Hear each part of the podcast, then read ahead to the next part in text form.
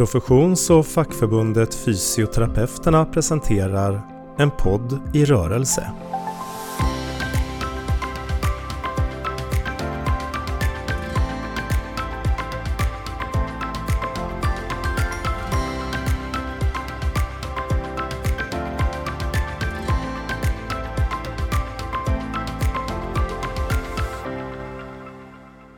Idag så gör vi en extra podd med anledning av covid-19 och den alldeles speciella situation som vi befinner oss i. Eh, vi kanske inte har varit i en sån här stor samhällskris på sedan andra världskriget och det berör oss alla på ett eller annat sätt. Eh, och då vill jag prata om fysioterapi vid covid-19. Vad, vad kan fysioterapeuter bidra med? De flesta kanske tänker på fysioterapeut, det är någon som man går till när man får ont i nacken eller ryggen eller kanske ont i axeln. Men eh, vad många inte vet är att fysioterapeuter har en alldeles central roll just när det gäller covid-19. Och det är jag väldigt glad för att eh, kunna göra det här samtalet tillsammans med eh, duktiga kollegor runt om i landet. Monica Fagervik Olsén från Göteborg, eh, Maria Selin från eh, Umeå och Ulrika Hordar från Stockholm. Och eh, jag är väldigt spänd på att höra. Jag skulle vilja börja på Nya Karolinska. Ulrika, vem är du och vad gör du och hur står det till där? Ja, jag är eh, sjukgymnast, specialist inom intensivvård, har jobbat med det här i 15-16 år. Eh, läget här är, tycker jag, ändå under kontroll. Eh, tufft, men under kontroll och med ett stort, bra samarbete över alla gränser. Ehm, det, vi har, jag har framförallt ägnat mig åt att utbilda all personal, läkare, sjuksköterskor, undersköterskor och sjukgymnastkollegor i att vända patienter i bukläge. Och sen har vi varit väldigt, väldigt efterfrågade av uh, alla att hjälpa till med just den, att vända patienter i bukläge. Det är väl framför allt det vi har hållit på med. Mm. Vad är det som gör att ni... Väljer just bukläge? Ja, det har visat sig att patienter med ARDS, svårt medelsvår ARDS som de här covid-patienterna får, de som hamnar på intensiven, de mår blir påtagligt bättre av att vändas till ett bukläge.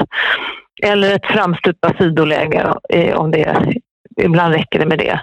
Och det är en sån, ger en sån otrolig behandlingseffekt. De blir så mycket bättre, de allra flesta. Så det är det som är det, nästan det viktigaste eh, som vi gör som fysioterapeuter på IVA mm. Mm. och även på intermediär. Eh, hur länge ligger de här patienterna kvar hos er på intensiven? Ja, de ligger väldigt länge. Eh, de, de ligger typ två, tre veckor i respirator, flera stycken. Och det är väl det som är problemet, att vi får ju inget utflöde från IVA. Vi är ju vana att folk ligger kanske tre till fem dagar i respirator, men nu ligger de alltså i två till tre veckor. Och inflödet är ju mycket större än utflödet. Mm det låter jobbigt och det låter som att det kommer att gå åt väldigt mycket resurser så småningom. Ja. Mm. Hur går det till när ni slussar till den här nästa enhet, är den intermediäravdelningen som du sa? Och då finns det kollegor som tar vid där också och de här som är, de är också, kan vara precis innan de kommer till IVA så, så är de också kanske på en lite mer avancerad vårdavdelning. Och där har man också eh, lagt patienterna, eller bett patienten att lägga sig lite så här på mage. Och det har också varit väldigt bra även på liksom när de är mindre sjuka. Mm. Så det är det vi har gjort där också faktiskt. Mm. Ni, ni alla tre som är här idag, ni är aktiva i en av de sektioner som finns inom fysioterapeuterna. Det finns Eh, 16 sektioner och ni är verksamma i sektionen för andning och cirkulation. Eh, Maria, hur, eh, vad säger du när du lyssnar på hur de har det på Karolinska? Är det något liknande hos er? Eller? Tack och lov så är det inte samma tryck hos oss än som det är i, i Stockholm. Vi, vi ligger ju några veckor efter Stockholm. Eh, vi har patienter, vi har patienter som har legat mellan två och tre veckor i respirator, covid-19-sjuka patienter. Vi har hittills inte skrivit ut några patienter ifrån intensivvården. Utan vi har faktiskt extuberat första patienten idag. Så får vi se. Eh, men så att vi har mindre patienter. Vi är ju mycket mer i uppbyggnadsfas. Jag var inne och tittade idag på det som kommer att heta IVA 2 hos oss, som då är en helt eh, ny intensivvårdsavdelning för covid-19 patienter. Du är specialist också? Jag är disputerad specialist i intensivvård, ja. Mm. Och hur många kollegor har du på intensiven? Ja, vi är ju på min klinik, för vi är klinikansluta. Det skiljer ju oss i Umeå mot både Stockholm och, och Göteborg. Eh, jag jobbar på en jätteklinik, en stor länsklinik. Eh, och jag har alltid varit ensam fram till nu efter nyår. Då har jag en kollega som ska göra 50% på posthop och 50% hos mig. Det lät som en bra tajming att förstärka. Mm. Ja, och vi har sagt att vi, vi behöver ju egentligen förstärka sjukgymnastsidan ännu mer. Mm. Ska vi flytta oss till eh, Göteborg, Monica? Du håller på att planera, om jag förstått det rätt, för en del av Sahlgrenskas verksamhet, hur ni ska kunna mäta upp det som ni väntar ska hända. Hur, hur är situationen hos dig? Och berätta vad du gör och vilken funktion du har också. Mm. Eh, situationen i Göteborg är än så länge också relativt lugn. Eh, vi har fått några fler patienter, eh, eller allt fler patienter för eh, dag för dag. Eh, men det är inte det stora trycket som eh, man ser i Stockholm. Eh, det har extuberats patienter här. Det har flyttats patienter från IVA till vårdavdelning. Så att det finns en utveckling eh, och en förbättring av våra patienter här nere, eh, vilket ju är positivt att också sända med i en sån här eh, informationskanal. Mm. Jag jobbar just nu som samordnare för verksamhetsområdet för arbetsterapi och fysioterapi här på Sahlgrenska universitetssjukhuset. Så att jag leder en liten arbetsgrupp eh, där vi försöker att förbereda oss så mycket som möjligt just nu och att ta hand om de patienterna som just nu vi har inneliggande. Mm.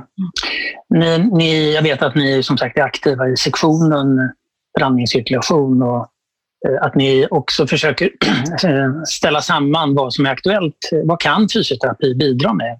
Vill du skicka med någonting Monica? Hur, hur går det arbetet till och vad, vad går det ut på? Ja, om vi ska prata om insatserna så kan vi ju göra mycket på IVA. Ulrika har redan pratat om, om bukläge. Eh, vi har ju också eh, intentioner interventioner som vi kan använda när patienterna extuberas och ska flyttas från IVA till avdelning.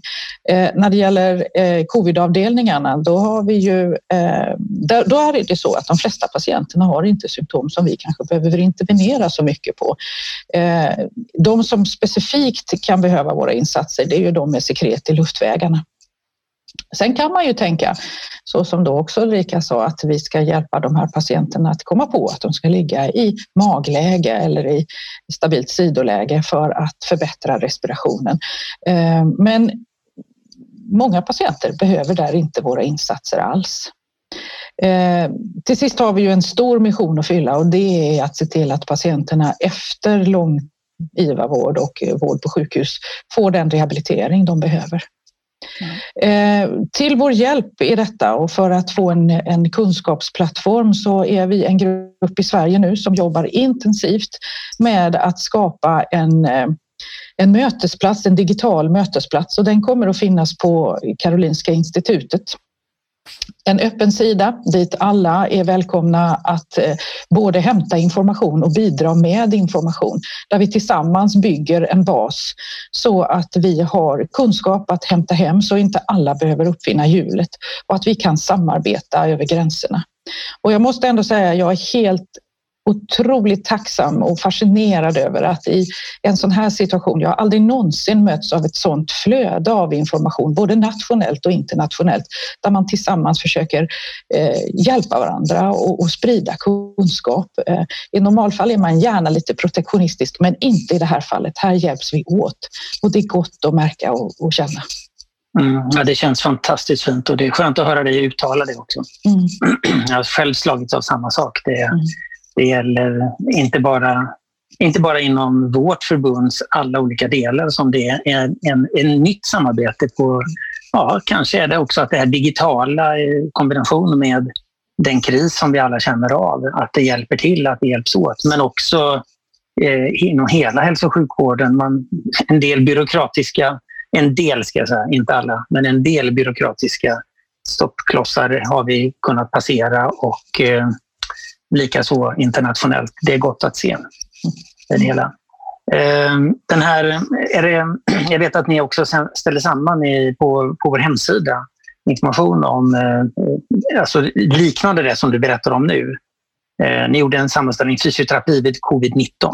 Är det ungefär samma information som kommer att ligga på den här nya plattformen eller är den utvecklad? Det som sektionsstyrelsen hittills har gjort är ju en väldigt kortfattad eh, beskrivning eh, och väldigt grundläggande. Det som kommer att finnas på plattformen på Karolinska institutet är ju en jättedatabas. Eh, där kommer det att finnas olika sjukhusdokument som, där, där, man då vill dela med sig av material. Det kommer att finnas filmer för hur man flyttar patienten i bukläge, för eh, olika interventioner som vi gör. Eh, där kommer att finnas intervjuer av kollegor som arbetar i kliniken där de får beskriva om sitt arbete och tips och råd vad, vad man mm. kan eh, ta hjälp av i arbetet. Och eh, eh, referenser.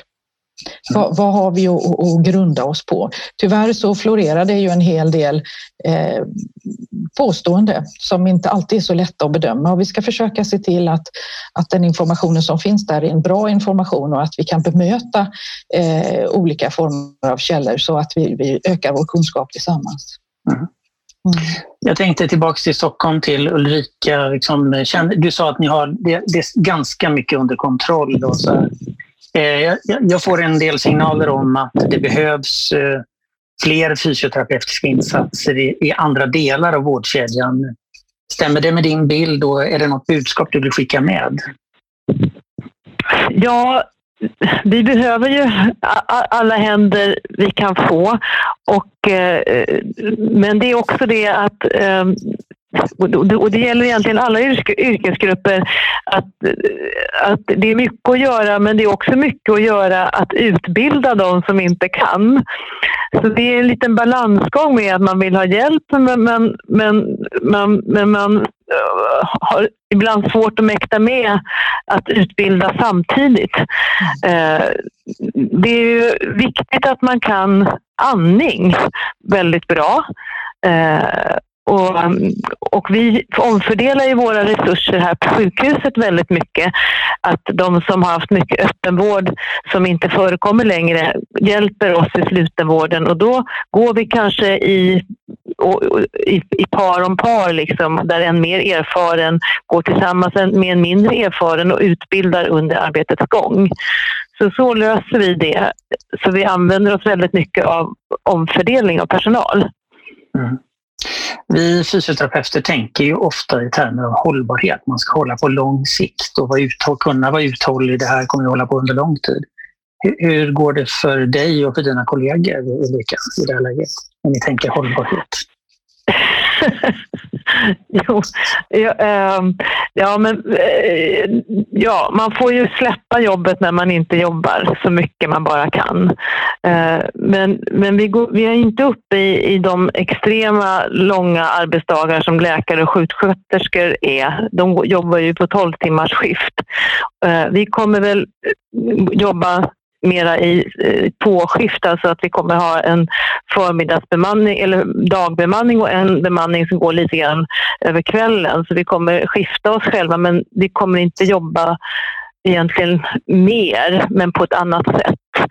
Eh, och det är man ju glad för.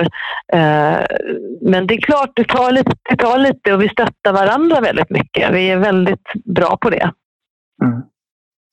Ja, eh, Maria, när du hör de här berättelserna och eh, tänker på den, det som kommer att komma i Umeå, så där, drar du någon lärdom av det hela eller vad tänker du?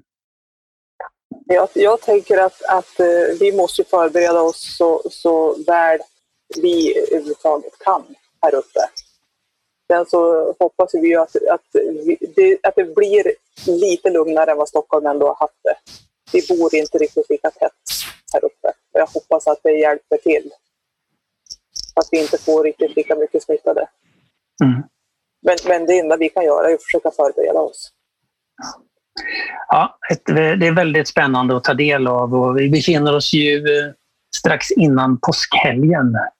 Eh, vi, det är dagliga presskonferenser med information från, från regeringen och från myndigheter. Och jag ägnar en, följer de här eh, riktlinjerna och råden väldigt eh, noggrant, vilka som lämnas.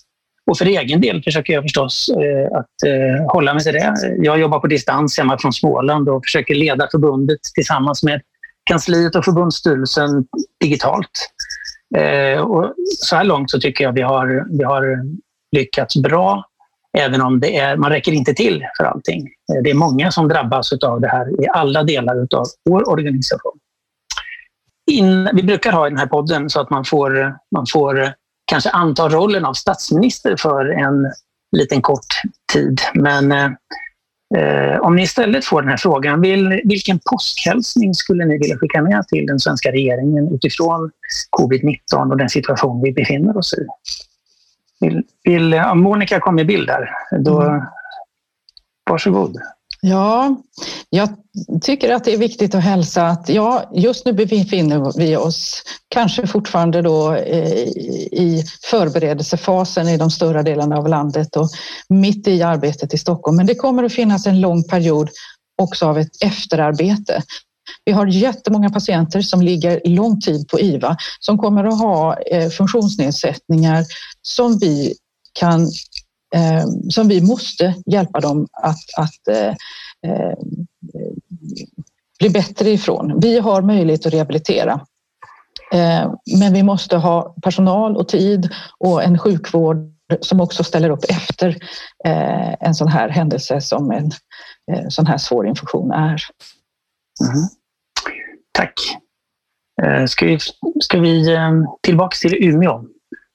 Vad har du för hälsning? Har du någon hälsning till den svenska regeringen inför påsk? Ja, jag satt ju då och tänkte på egentligen exakt samma sak som Monica sa. Att man kommer att behöva satsa lika mycket på rehabilitering i efterförloppet som man gör på de akuta insatserna just nu. Det räcker ju liksom inte att vi räddar liv på människorna. Det ska ju finnas ett liv värdigt att leva också efteråt. En väldigt viktig hälsning. Ulrika, du är i stormens öga. Vad vill skicka med till statsministern och till regeringen? Ja, jag tänker väl inte rent fysioterapeutiskt nu, men jag, jag skulle önska att man ser till att man har eh, beredskapslager, för det här kan ju hända igen, av sjukvårdsartiklar och respiratorer och, och skyddsutrustning. Eh, det, det, skulle jag vilja säga. Mm.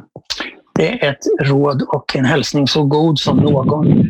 Eh, jag vill säga ett stort tack till er alla tre för att ni ställde upp med kort varsel på det här.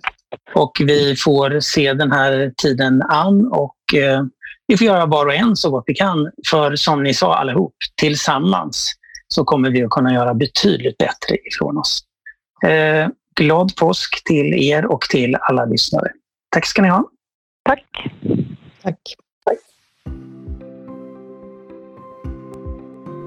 En podd i rörelse presenterades av Fysioterapeuterna.